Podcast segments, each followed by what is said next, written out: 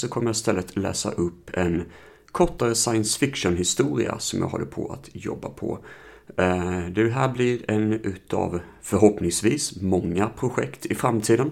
Den ligger tyvärr inte ute eh, för tillfället i alla fall på någon sida att läsa i textform.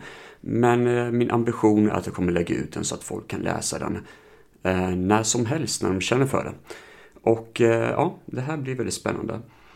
Uh, precis som jag gjorde tidigare på Arcane Saga-podden så är det återigen White Bat Audio som står för musiken. Så uh, ja, det blir en special den här gången. Och uh, jag känner väl egentligen inte riktigt att jag kommer behöva introducera det här avsnittet mycket mer än vad jag sagt nu. Utan jag tycker vi sätter tänderna i det här projektet och sätter igång. Nu kör vi!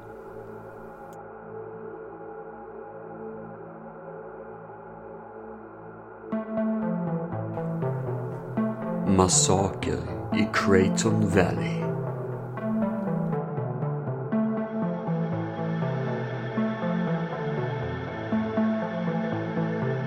Kapitel 1 Stålportens hemlighet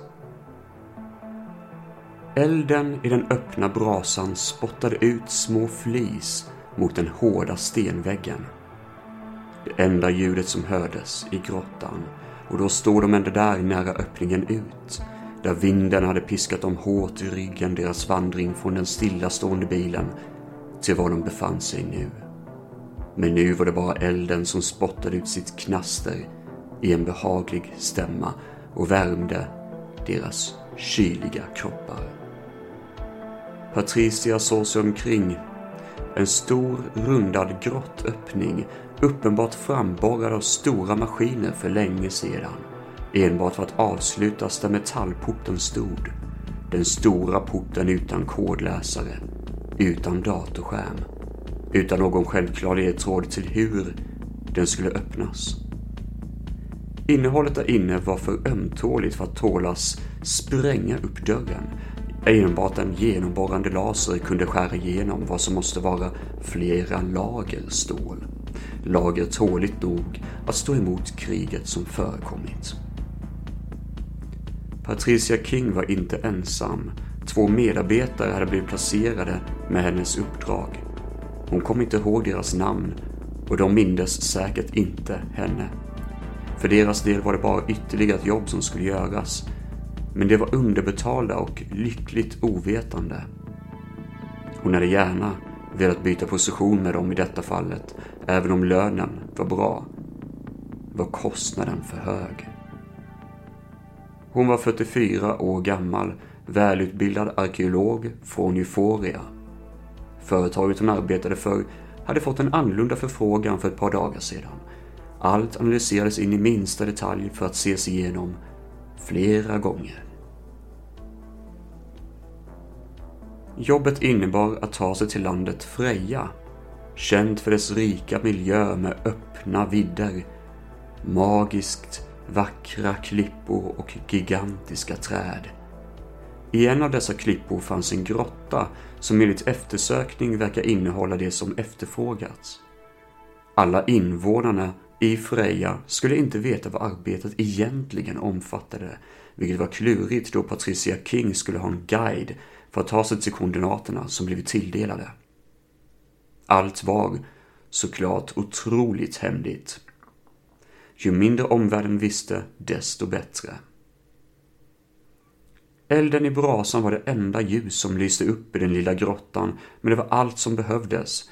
Dagsljuset från den öppningen gav ett starkt sken. Vacker utsikt, tänkte Patricia, vackert med dess klara himmel och gröna gräs, den öppna slätten som gick rakt ut mot horisonten, ut mot ingenting. Otroligt vackert. Men hennes tankar kunde inte blockera bort vad valvet dolde här i Freja. Vad man gjort långt innan Silver War dundrade på. Kan vara över hundra år gammalt eventuellt, vem vet? Bara för att valvet är i så fint skick talar om för att någon kanske tagit bra hand om det. Vetat om dess innehåll. Hon kollade ut mot slätten igen, funderade när hon såg gräset böja sig för vindens pustar, vackert men oroligt, likt en kommande storm. Hon tänkte tillbaka på hotellet där de fick låna bilen, ett rätt dyrt ställe, men frågor ställdes varför just denna klippa mitt ute i ingenstans var så intressant för en forskare från Euphoria. Svaren blev korta. Deras guide var en åldrad mapmaker. Frejas version av poliser och militärer, klädda som gamla brevbärare på ett lustigt sätt. Men deras kunskaper om landet Freja skulle inte underskattas. Denna äldre herren såg inga problem att undvika frågor till forskarnas uppdrag och tillät sig stanna kvar i fordonet tills de kommit tillbaka eller ringa till honom att bege sig. Men Patricia var ändå hälsosamt skeptisk till vad hon såg utanför grottans öppning. Uppdraget var för delikat för att låta slumpen avgöra huruvida man kunde lita på möjliga snokar eller spioner. Hon själv kände sig nästan, på ett komiskt sätt, likt en spion. Och hemlighetsmakeriet gällande uppdraget hjälpte inte riktigt att dämpa hennes fantasi. Det stora instrumentet packades upp från tre säckar av hennes medarbetare. En rad olika metallrör och kopplingar sattes snabbt in i varandra och bildade ett stabilt stativ. Ovanpå stativet placerades en liten låda med ett kameraöga på, grön lins. Allt vinklades mot den stora metallporten och startades igång med hjälp av några enkla kommandon på en dosa som hängde på lådan. Den laddades upp med ett hummande ljud och medarbetarna flyttade på sig, vinklade huvudet på stativet i rätt vinkel och meckade en del. Något traskade runt i hennes medvetna, en tanke hon försökte analysera förgäves. Men det var något hennes farfar hade sagt. Han hade levt majoriteten av sitt liv innan kriget. Hon mindes hur de brukade sitta på ett hus på landet, inte helt olik Frejas landskap. Allt hängde ihop innan. Allt var ett och inget var allt. Men det blev nog för mycket till slut. För mycket dramatik, brukade han säga där han satt i gungstolen och kollade upp mot taket, drömmande. Patricia, då en ålder av sex, förstod inte riktigt vad han syftade på. Alla åsikter under en flagga och under ett land, sade han och vek ihop sina fingrar på sina gamla nötta händer. Vi höll ihop, fast ändå inte. Lite som jag och David, sa Patricia glatt när hon förstod. Precis, som du och din bror, samma blod, samma familj, men alltid bråk och alltid tjafs. Nu när Patricia var äldre förstod hon mer. Hon hade studerat hur livet var i vad som en gång hette United States of America. Och det var ett under att krig inte förekom här tidigare. Men det kom oväntat från annat håll, från skuggorna. Ett hot ingen kunde se förrän det var för stort. Men det var få människor som visste dess begynnelse. Men fienderna kom från skuggorna från alla världens länder slog till med fasansfull styrka och en armé som hette Hammers. En typ av robot som ingen ens idag förstår allt om. Patricias farfar och hennes far var med i kriget. Det kallades Silver War. Konsekvenserna blev att United States of America upphörde. Det var en uppoffring för att bryta kriget och förhindra problem med att reparera. Allt började om som en ny era, en ny tid efter kriget. Det fanns ett före, before the war, och ett efter, after the war. Konsekvenser och öden, öden och konsekvenser och år av sorg, bearbetning och nya konflikter. Och nu stod de där framför en relik från en svunnen tid, framför en framtid man inte kände till Reliken skulle behandlas med respekt och arkeologen i Patricia King var nyfiken. Men historia om reliker som byggs i hemlighet är aldrig ett gott tecken. En av hennes kollegor började dra igång en gammal radio han måste köpt på en marknad någonstans. Ett objekt äldre än det hemliga föremål som doldes bakom stålporten. Han drog igång någon gammal jazzkanal på radion som spelade en låt hon aldrig hade hört. Knastrig stämma dansade runt lite lätt till sitt instrument och började sikta ögat på stativet mot dörrens ena sida. En grön laser sköts ut som började sakta smälta ståldörren i en liten punkt. Han flyttade huvudet någon millimeter neråt och lät strålen fortsätta dess fokus på en ny punkt. Patricia tog fram läsplattan och började kolla igenom status på ett protokoll med data och nummer. Värdet såg bra ut. Stålet vibrerade tillräckligt lugnt för att inte skapa sprickor i stenen runt om. Det kunde ta en tid att skära igenom metallen på dörren, men deras uppgift var inte att skära igenom hela, bara borra ett litet hål för inspektion. Hon visste en del om konsekvenser hon träffade en tystlåten tjej på en bar för några år sedan. En polis som fick avgå för någon kontroversiell händelse. Båda fann varandra under två underbara veckor till tjejen arresterades för droginnehav. Och Patricia fick böta för samarband med kriminell. Tur att Euphoria inte såg ner på den incident. Folk har blivit utvisade från landet för mindre aktiviteter men Patricia kände inom sig att detta exempel ändå inte var i närheten med dilemmat här i Freja. Under kriget har man byggt många försvar mot den förpestade anarkiterroristgruppen Avalon. Men oroligheterna hade förekommit innan kriget drog igång på riktigt. Enligt ny information hade konflikter pågått långt innan kriget Många försvar gjordes utan tillåtelse eller bakom stängda dörrar. I detta fall på öppna fält i en klippa. Grottan karvades ut av stora maskiner, expertjobb. Men hur dörren placerades, eller ens hur den skulle kunna öppnas, var bortom Patricias förståelse. Ännu mindre vem som var ansvarig. Bakom porten skulle någon typ av robot befinna sig. En stor varelse som hade konstruerats Enligt modern teknik kunde man inte se dess form bakom stålporten, men den fanns där, enligt deras hemliga uppdragsgivare. Vi är igenom, sa den medarbetare som stängde av strålen. Den flimrade till i och ögats gröna sken glödde bara kvar i dess innersta mitt som en varm kokplatta. Patricia nickade, böjde sig och kollade i en liten väska hon hade placerat på marken vid sina fötter. Svetten rann ner för hennes ansikte av den intensiva vandringen i kombination med den rök som blåste runt från eldstaden. Hon drog fram en liten silvergrå helikopteranordning. Ett klot med en motor på som drev ett helikopterblad. Den flög upp av egen vilja, surrade mot dörren och sökte efter hålet genom att flyga så nära dörrens stål som möjligt rutinerad, snabb som en fluga. Den stannade vid portens lilla hål och flög in i mörkret, som dolde sig bakom.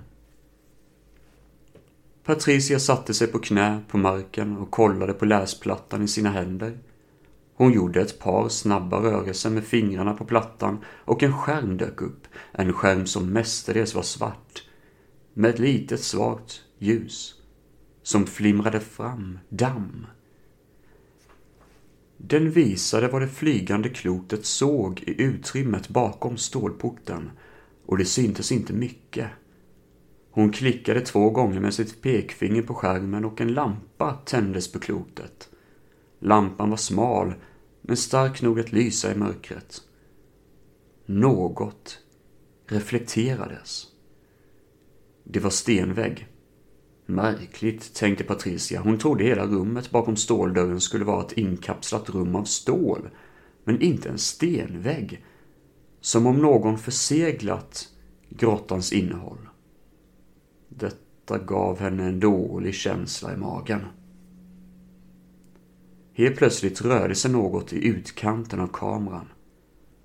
Hon böjde plattan ner lite och detta styrde roboten inne i rummet åt vänster. Där såg hon det. Rörelsen kom från en metallklädd kantig sak, nästan fyrkantig med skarpa konturer av stål, klumpigt ihopsatt. I mörkret såg hon inte mycket mer än små detaljer. Den var otroligt dammig, men visst hade den rört sig lite. När helikoptern flög in och filmade väggen, när hon aktiverade dess lampa. Då såg hon det. Reflektionen i klumpens mitt. Två stora saker som verkade reflektera lite av ljuset från den lilla helikoptern och konturerna blev skarpare.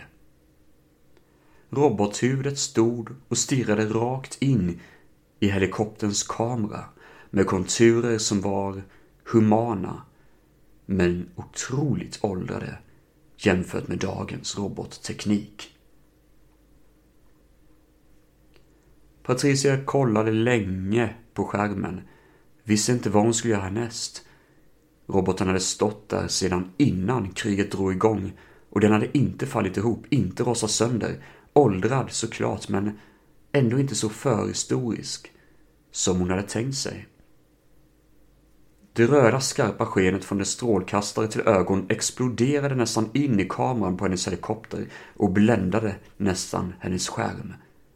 Hon kollade snabbt upp mot stålportens lilla hål där laserstrålen penetrerat och det röda ljuset kastade ett sken, starkt sken, rakt genom grottan från dess mynning.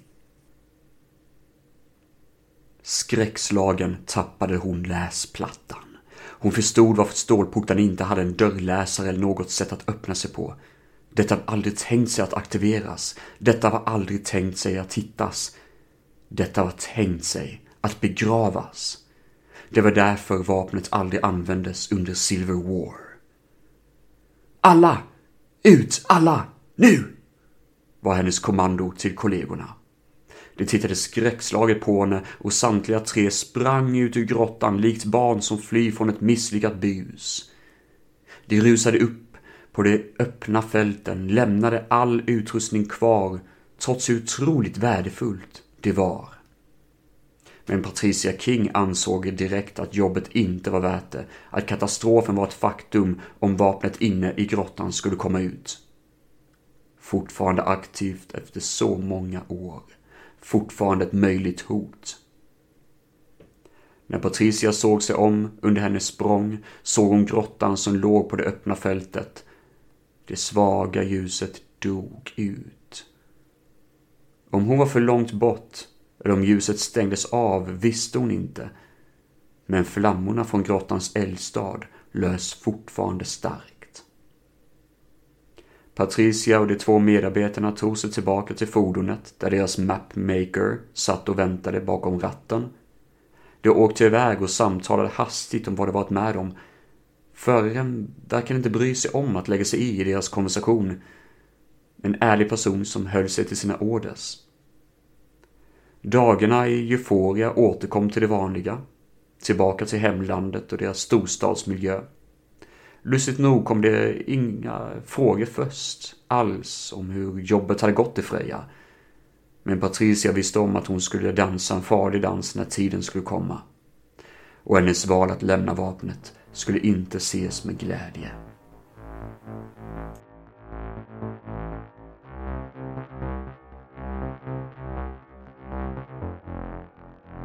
Kapitel 2 Killian och Red-Eye Solen glödde på himlavalvet över Euphorias huvudstad Actabus. Aktiviteten på gator och torg var hög och de stora byggnaderna kryllade av energi. Arbetet skulle genomföras, dagliga rapporter arkiveras. Megaföretaget Mishima hade sedan länge styrt landet med en järnhand och Actabus var dess mest noggranna projekt, landets pelare av stabilitet och ordning. Patricia King vaknade sent denna morgon. Hon blev tillåten en ledig dag då hennes oändliga arbete inom museet av forna Egypten lett henne till flera nätters arbete. Hon gick runt i sin enkla lägenhet, startade en kaffebryggare och kollade ut genom sitt enda fönster.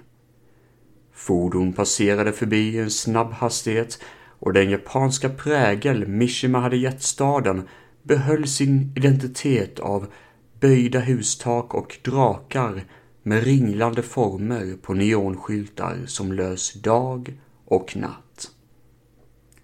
Men någonstans kröp medvetandet runt att någonstans på något kontor i denna massiva stad så sitter någon just nu och framför protokoll och undersökning av vad som skedde i Freja.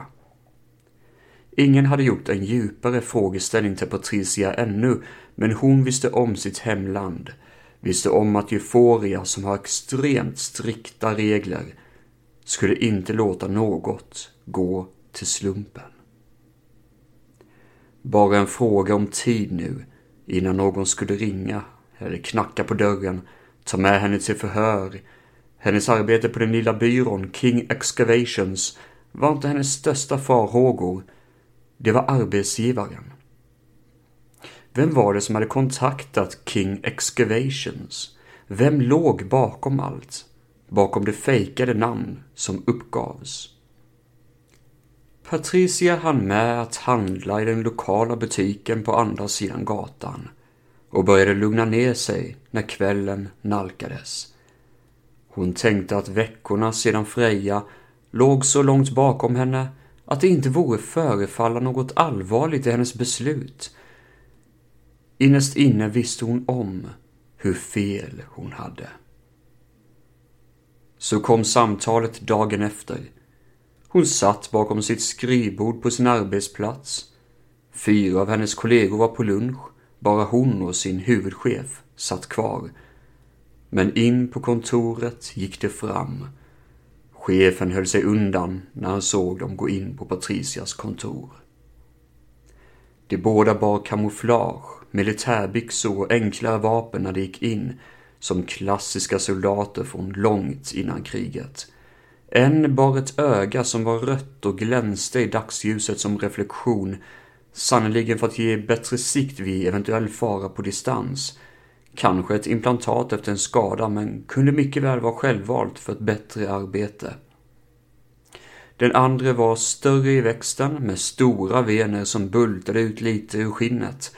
Men det var klart att venerna inte var riktiga. Något implantat låg säkert under det syntetiska skinn som klädde hans arm.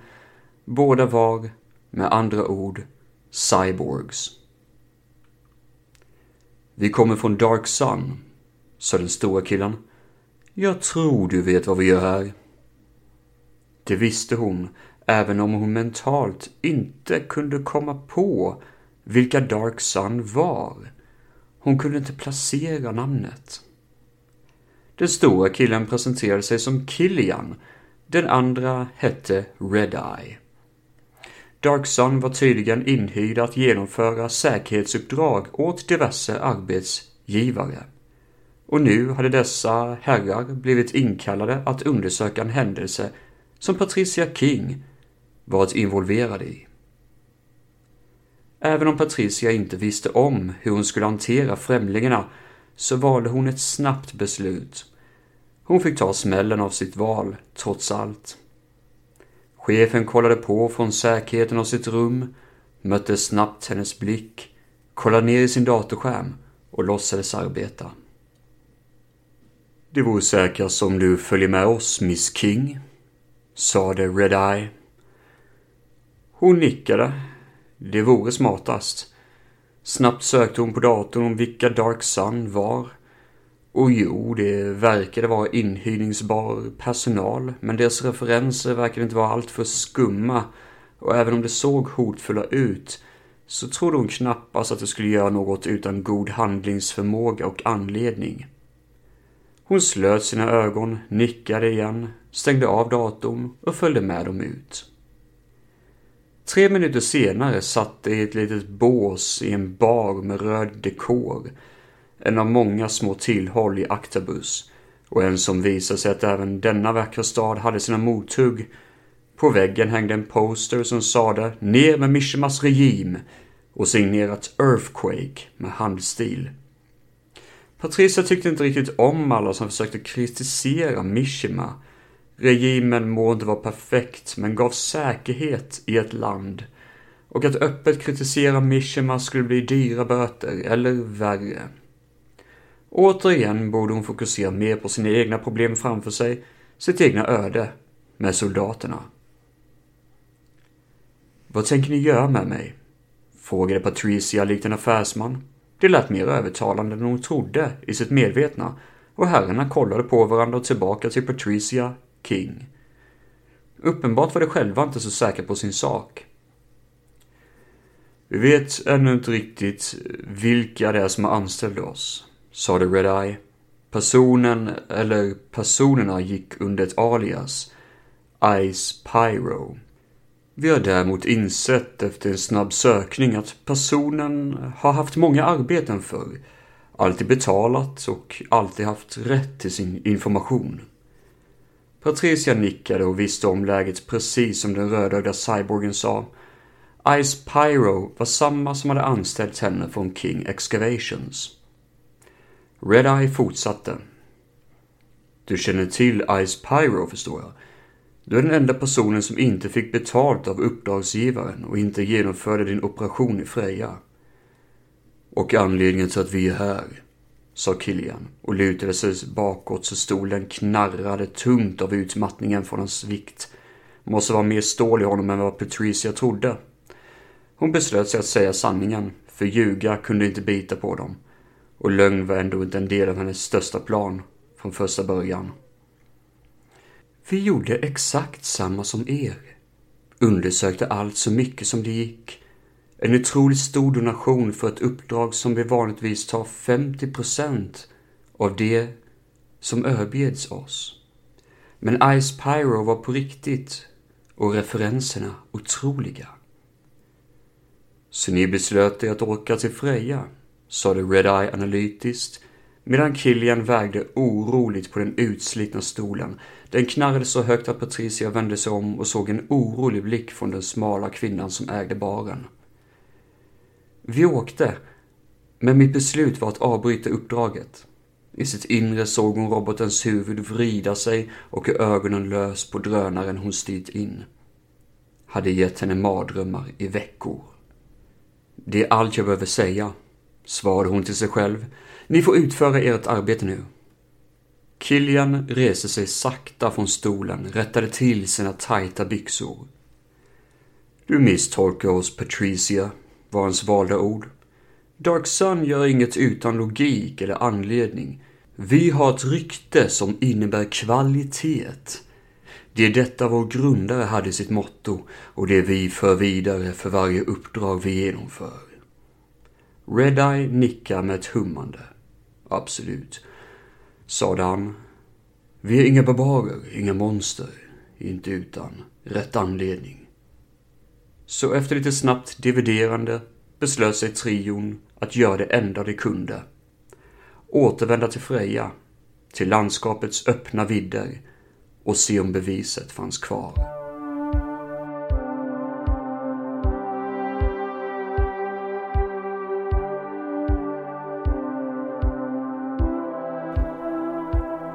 Kapitel 3 Tillbaka i Freja Vinden blåste värre än tidigare över de öppna fälten när deras bil nästan svävade enkelt över den ojämna landsvägen. Red-Eye satt bakom ratten med en cigarr i käften och den sunkiga stanken gjorde henne nästan äcklad då hon satt i baksätet och kollade ut över Frejas landskap. Hon tänkte hur det kändes som evigheter sedan hon var här senast. Och ändå på något sätt inte alls länge sedan. Mycket märkligt hur tid fungerar. På radion pratades det om inkommande storm. Red-Eye kollade på sin kollega Killian som satt bredvid honom. Båda log först och skrattade sedan, som att det var ett skämt bara de kunde förstå. Skylten flög förbi fönstret Freja hotell var nära. ett annat hotell än det Patricia tidigare stannat på. Byggnaden var gigantisk som ett slott av herrgårdar och olika byggnader ihopplacerat till en liten by eller ett kapell av någon form. Utanför hotellet fanns det otroligt vackra trädgårdar i perfekt skick. De parkerade på en gigantisk öppen yta av grus.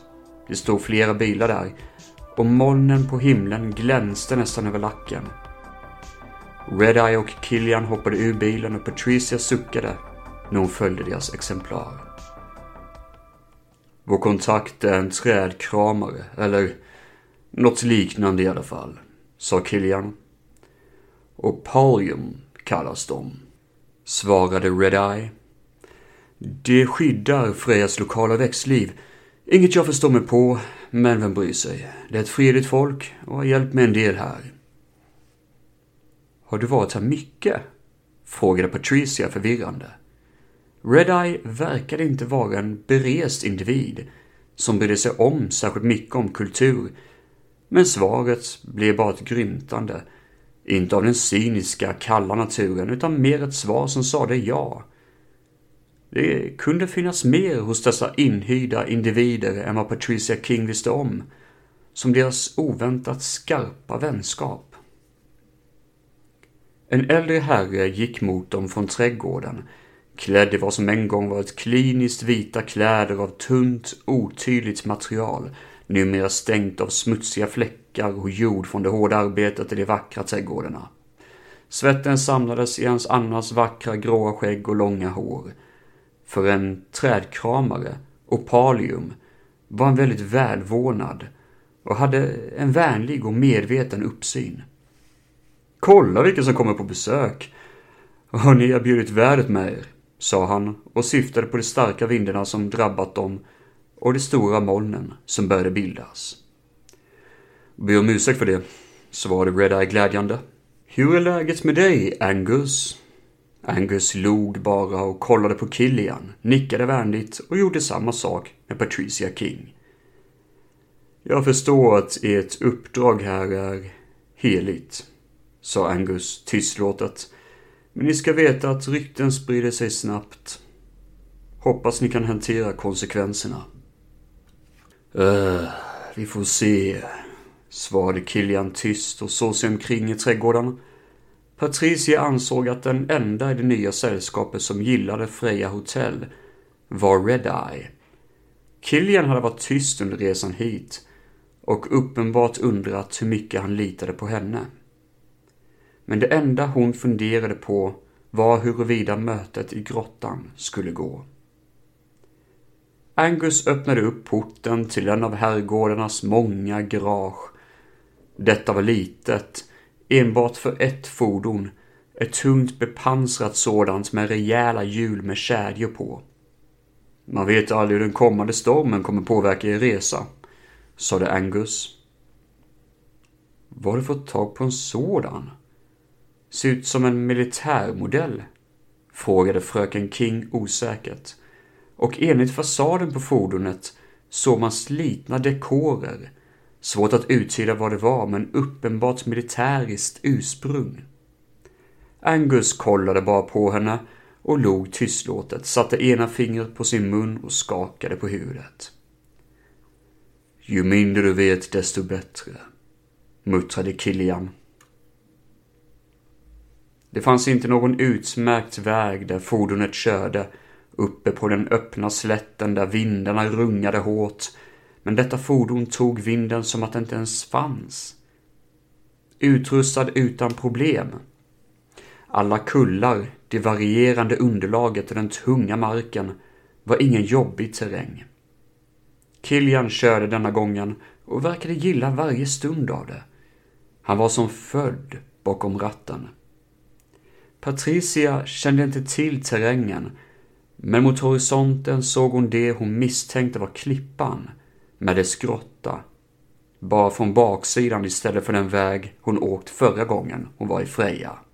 Hjärtat slog tunga slag, som att det skulle hoppa ur bröstet på henne. Kilian såg bak i baksätet där hon satt, såg hans blick och nickade.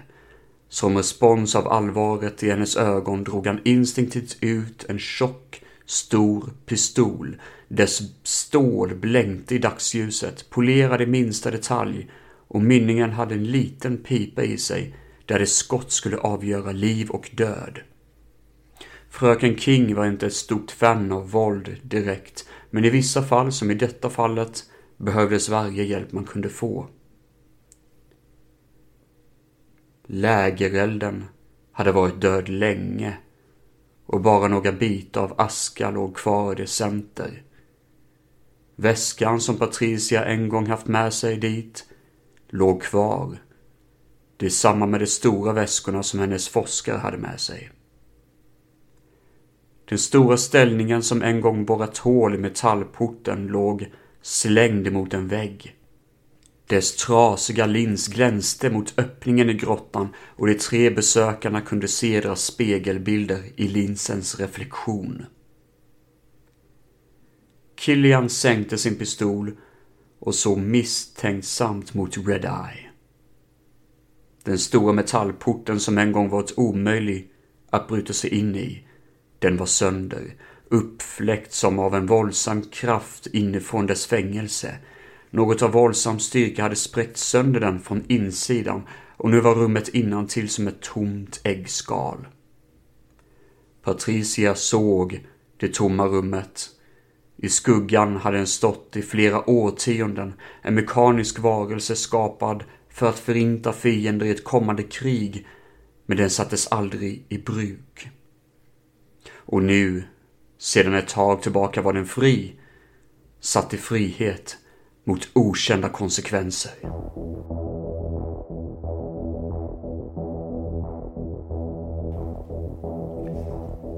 Kapitel 4 Massaker i Creighton Valley Sjukhuset låg i den lilla byn Creighton Valley.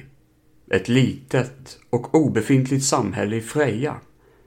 Tempot under den blå himlen var precis så lugnt och vardagligt som vanligt.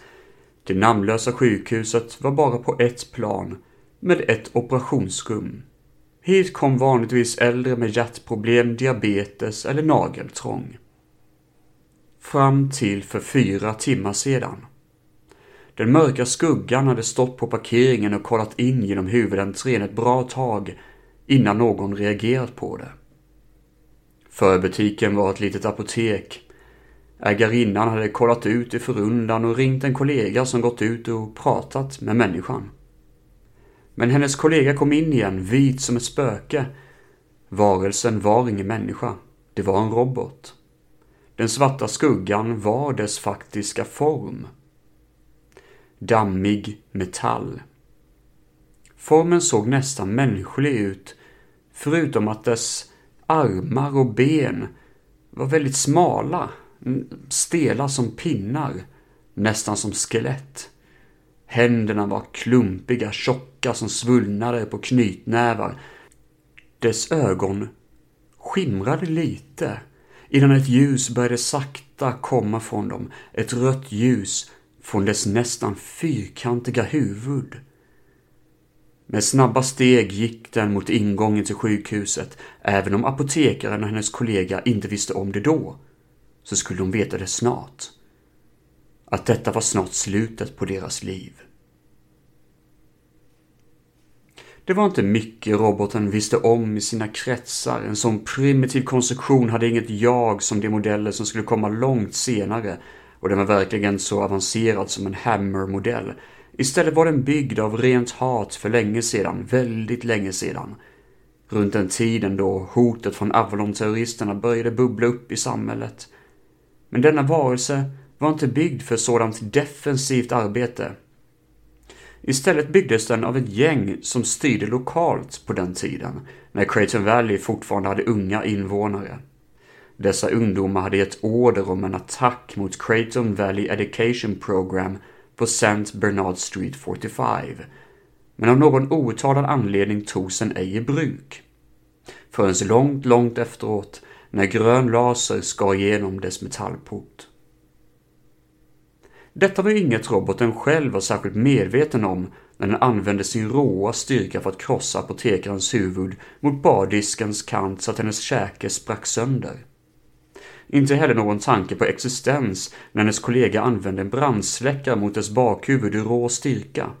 Istället vände den sig om och slungade den unga läkaren genom huvuddörrens entré med en enkel smäll från dess klumpiga vänsterarm. Den lokala polisen anlände 45 minuter senare. De ständigt kraftiga vindarna som tillkommit i samhället hade ännu inte gjort något besvär för styrkan att ta sig fram. Beväpnade med lätta vapen och enbart med två polisbilar förstod de att något gått fel efter att en tant sprungit ut i ren skräck med blod rinnande nerför huvudet. Första polisen på plats, George, gick in med två kollegor, Susanne och Irene. Efter tio minuter flög Susanne ut genom fönstret till lunchrummet. I skuggan såg polisen utanför hur någon mekanisk varelse försvann in i mörkret igen. De kraftiga vindarna började ta ordentligt samtidigt som två nya fordon anlände. Fem mapmakers i benvita och strukna brevbäraruniformer avbröt deras postrundor för att anlända, beväpnade med enkla laserpistoler och någon enstaka granat. De tog på sig deras vita kepsar med det gula emblemet på som visade deras logotyp, som att deras auktoritet skulle assistera vid stoppandet av terroristens framfart. En armerad bil körde snabbt över landsvägen när blåsten blev starkare och starkare. I fordonet satt Killian bakom ratten tuggande sin cigarett. Red-Eye satt bredvid honom och laddade ett avlångt gevär med en grön energikapsel som lös inuti. Glödde fram en kraftfull energi som kunde identifieras med liknande laserkraft som den som en gång släppte lös monstret ur dess vila. Detta tänkte Patricia King där hon satt i baksätet, illamående av den snabba färden och mer illamående av var färden skulle sluta för alla tre. Vi är snart framme vid Creighton Valley, sa Killian. De hade alla tre hört på en radiofrekvens där Mapmakers berättat att de hade en adress i Creighton Valley St. Bernard Street 45. Ett namnlöst litet sjukhus, en massaker, eventuella gisslan. Beskrivningen kallades attentat av robot. Händelsen i Creighton Valley hade pågått i uppskattningsvis fem timmar. Mapmakers hade initierat utegångsförbud i samhället och alla gator och torg stod tomma. Till det hörde ett större fordon komma körande genom den lilla byn och såg den rulla upp på parkeringen. Patricia var snabb på att hoppa ut och såg till sin förvåning, innan hon öppnade dörren, hur Killian släppte Red-Eyes hand. Hon undrade snabbt över denna märkliga händelse.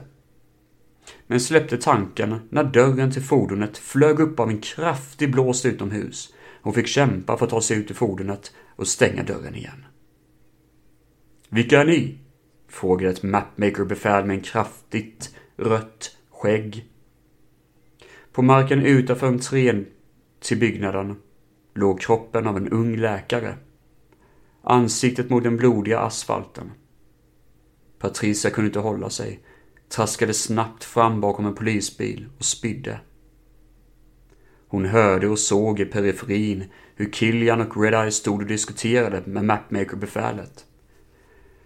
Åja, om så är saken, muttrade befälet eftertänksamt. Dark Sun. Han förklarade läget, pekade lite på byggnaden och nickade mot sina kollegor.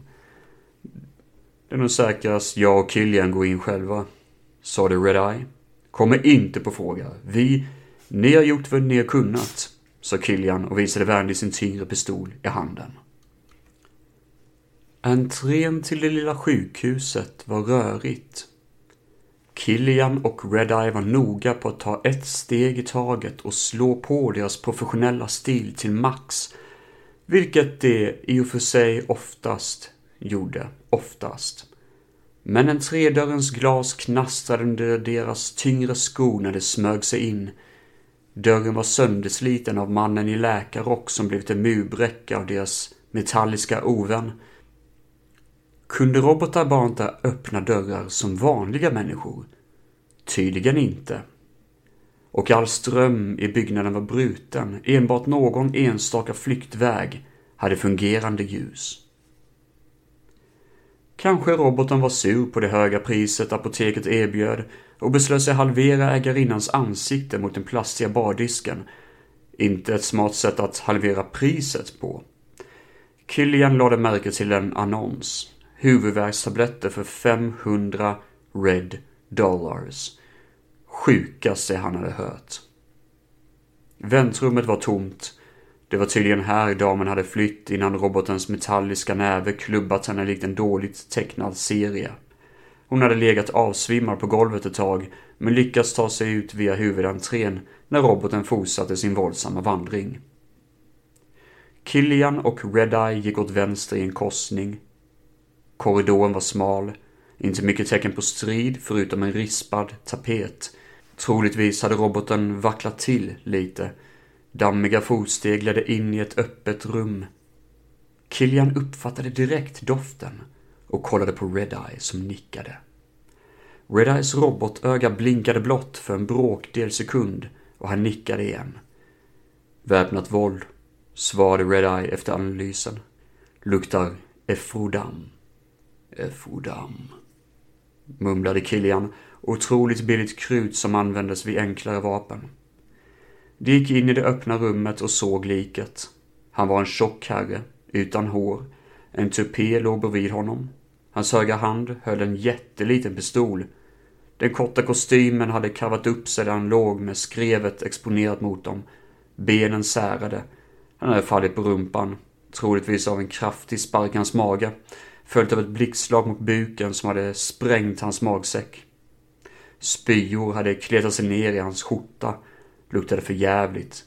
Kostymen i kombination med den enkla pistolen sade till duon att han måste vara en lokal advokat av den billiga sorten. Kom du ihåg kräftskivan i fjol? undrade Kilian. Måste du ta upp det varje jävla gång? suckade Red-Eye. Han trodde ju faktiskt att kräftorna skulle vara färska. Numera fanns det ingen stund alls då illa doft och kräftor aldrig kom på tal från hans fräcka partner. Inte ens en dödlig utgång på ett litet sjukhus.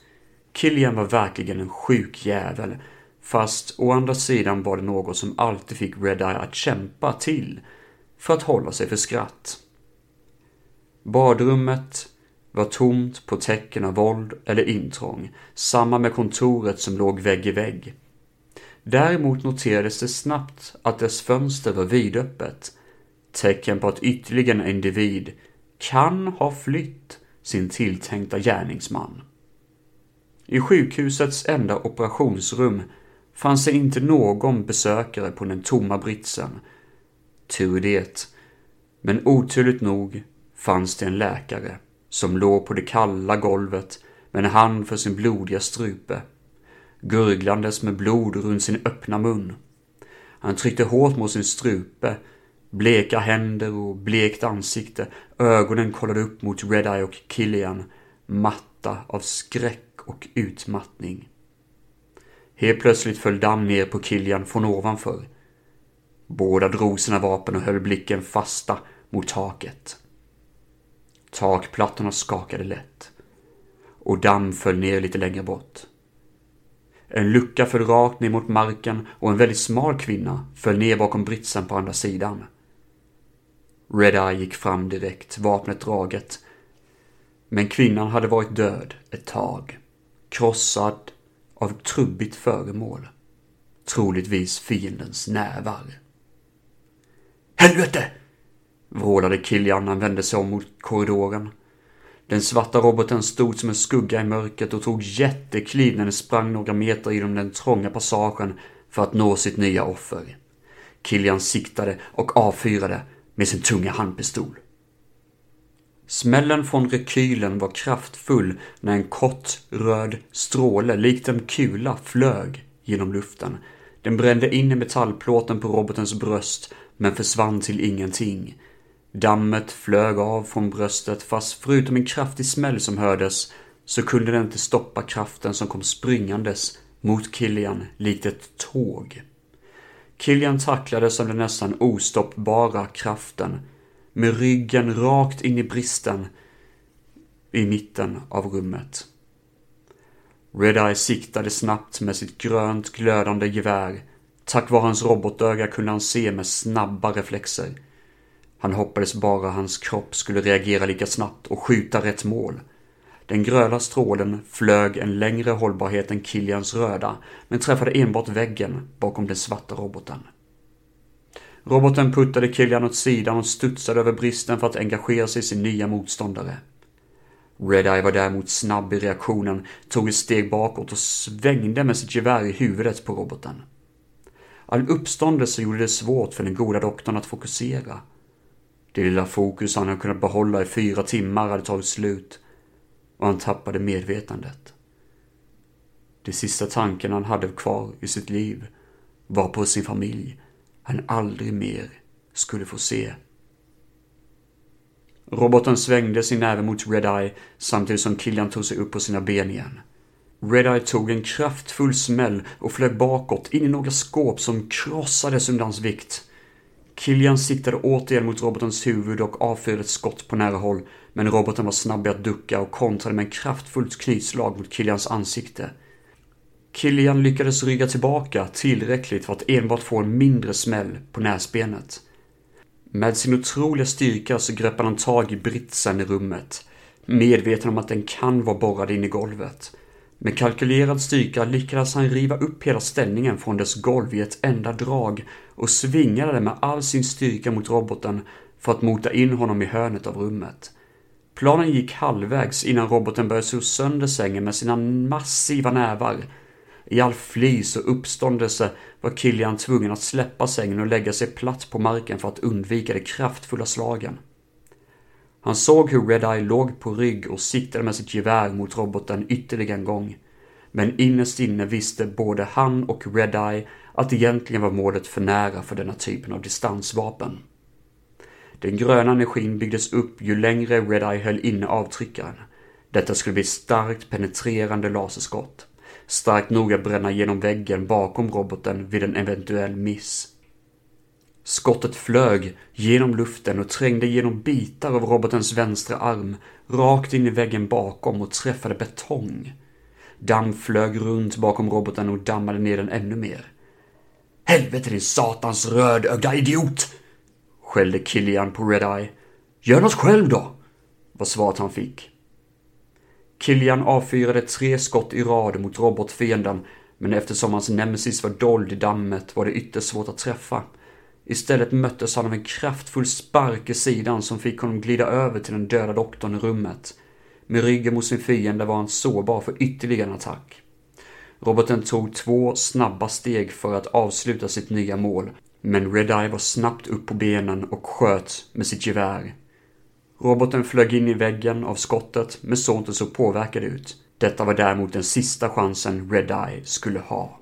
Ligg kvar, Killian, var hans kommando mot sin kamrat. Han laddade upp ett sista skott, höll i avtryckaren länge nog och tömde ett helt magasin med sin uppladdade laserdusch mot roboten. Rummet lös upp i bländande grönt sken av kraftfull och varm laserenergi som var stark nog att starta brand om det fanns brännbart materia i närheten. Roboten flög ut från trycket genom väggen var stora bitar bröts av likt flis rakt ut på parkeringen där polisen och Mapmaker stod redo. Alla såg roboten falla mot sin rygg och Redeye stå inne i dammet som fanns där väggen en gång stod. Skjut aset! kommenderade han till alla utomhus. Patricia King suckade, höll för ögonen och blundade. Allt hon hörde var dämpade skrik och avfyringar runt omkring henne. Snabba fotsteg och ännu mer skrik. Sedan tyst. Hon hoppades att när hon öppnade ögonen skulle allt vara en mardröm. Hon skulle vakna upp i euforia, sätta på en kopp kaffe och kolla ut mot Mishimas logotyper som ägde halva staden. När hon öppnade ögonen möttes hon av en bitter verklighet. Reliken hon hade i uppdrag att gräva fram var förstörd. Allt som låg kvar var rykande bitar av tung metall. Polisen, mapmakers och två Dark Sun-soldater stod bredvid röran och kollade på den. Vissa av robotarnas delar gled runt på marken av dess kraftiga vindar. Annars hade varelsen ingen möjlighet att kunna röra sig mer. En relik utan värde.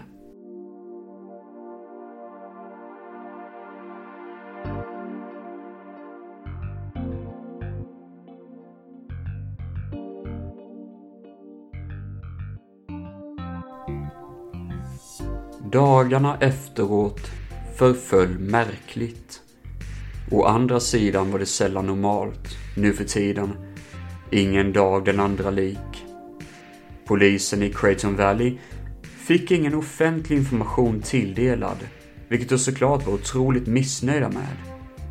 Hela samhället krävde någon typ av svar och det föreföll interna utredningar mot den lokala polisen samt de involverade i Mapmakers. Detta släpptes när Mapmakers betalade skadestånd på 4,5 miljoner Red Dollars. Något samhället överlag inte var särskilt förtjusta i. Mapmakers fick inte heller veta hela historien bakom robotens ursprung, bakom vad Dark Sun gjorde där med en civilist, problem som Red-Eye och Killian visste skulle kunna leda till konsekvenser för deras organisation. Red-Eye påverkades mest av denna duo då han hade väldigt god vänskap med Freja i det förflutna. Han skulle komma att undvika landet ett tag framöver av egen fri vilja. Detta var däremot inget som påverkade Killian, som tydligt hade avsmak av landet. Synd, men vad ska man göra? Var hans vanliga svar och han ryckte på axlarna. Väl tillbaka i Euphoria hade Patricia King en del att bemöta. Det föreföll en stor undersökning av hennes fall. Den mystiska kontakten Ice Pyro. Hela två dagars förhör och rättegång. Hon fick självklart i detta fallet sparken och tvingades spendera ett år utan tillgång att söka arbete. Men eftersom vi fick lov att undvika utvisning eller fängelse så var hon ändå, i sitt mörker, nöjd med vad hon blev tilldelad som straff.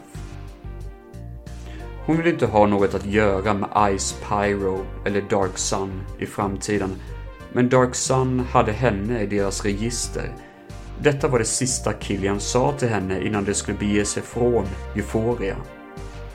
Om detta var en typ av hot eller en beskyddande faktor visste hon inte om. Svårt att veta vad Killian menade med det. Hans tonfall var alltid gravallvarligt. Gällande Ice Pyro så var detta en karaktär Dark Sun ville ha en hållhake på i framtiden. Men denna ansiktslösa gast skulle komma att försvinna efter en jäckande beställning med flyg till Steel Sky Troligtvis inget annat sätt än att visa att personen visste den hade Dark Sun över sig. Möjligheten att personen använde sig av ett annat alias framöver var inte omöjlig. Patricia King återgick till sin nya vardag som arbetslös och med en ny vardag av att veta att allt som hänt i Freja ändå skulle hållas hemligt. Men någonstans låg terrorn och hatet inom henne alla hennes känslor till Ice Pyro var dramatiska. Hon var säker på att denna okända person skulle göra dåd igen. Hon startade igång kaffebryggaren och tittade ut över Euforias landskap. Undrade om saken någonsin skulle bli detsamma igen. Och där hade vi min lilla historia här. Eh, just nu när jag spelar in det här så vet jag faktiskt inte ens vad storyn heter, ärligt talat. Eh, jag kommer spela in i efterhand eh, titeln på avsnittet och titeln på själva historien och klistra in det, för jag har faktiskt inte kommit så långt ännu i det här. Eh, men jag tycker nu storyn överlag är klar. Jag är nöjd över den, jag tycker den var rolig berättande. Och jag kan se, se redan nu att min, någon gång i framtiden så kommer Ice Pyro vem det här nu är för karaktär. Han kommer dyka upp igen. Och ni kommer, vi kommer troligtvis få lite mer svar på honom och ett avslut på honom som karaktär. Och dessutom så vill jag gärna återbesöka Killian och Red Eye någon gång i framtiden. För jag tycker de är jävligt roliga faktiskt. Det är något väldigt kul med de två karaktärerna. Men annars överlag så vet jag inte vad nästa story alls kommer handla om. Jag har ingenting planerat just nu. Um, vi får se uh, om jag lägger upp någonting här eller vad fan jag ska lägga upp de här uh, historierna på. Jag letar i, just nu i det här läget fortfarande efter ett forum där jag kan posta de här berättelserna så att folk kan läsa det utefter deras intresse. Eh, så vi får se vart, eh, vart det här äventyret kommer ta vägen helt enkelt. Eh, jag tycker det har varit väldigt kul att köra det här. Ehm, det kommer kanske bli jobbigt för mig att redigera, men annars så tycker jag faktiskt det var jävligt roligt, det här sidoprojektet. Um, och oväntat mysigt och intressant att spela in det här också. Hoppas i alla fall att jag var hyfsat klar med de här berättelserna som jag läste upp för er. Eh, har ni åsikter, tankar, reflektioner till hur jag ska bli bättre och så vidare så är det självklart bara att skriva. Um, antingen på Facebook eller på Instagram. Uh, Arcane Saga kan ni följa där. Uh, där kommer ni läsa lite mer stories om mina framtida projekt jag håller på att skriva om. Och så har vi då um, um, uh, Filmfett Solo såklart, eller Filmfett, som är då den här poddens eh, riktiga sida där. Snackar mer om film och sådär. Eh, finns både på Facebook och på Instagram så det är bara att gå in där och kolla, eh, följa utefter vad ni behagar. Tack så jättemycket för idag och eh, tack för att ni lyssnade på dagens avsnitt. Ha det så jävla gött allihopa och eh, ja, ta hand om er. Hej då!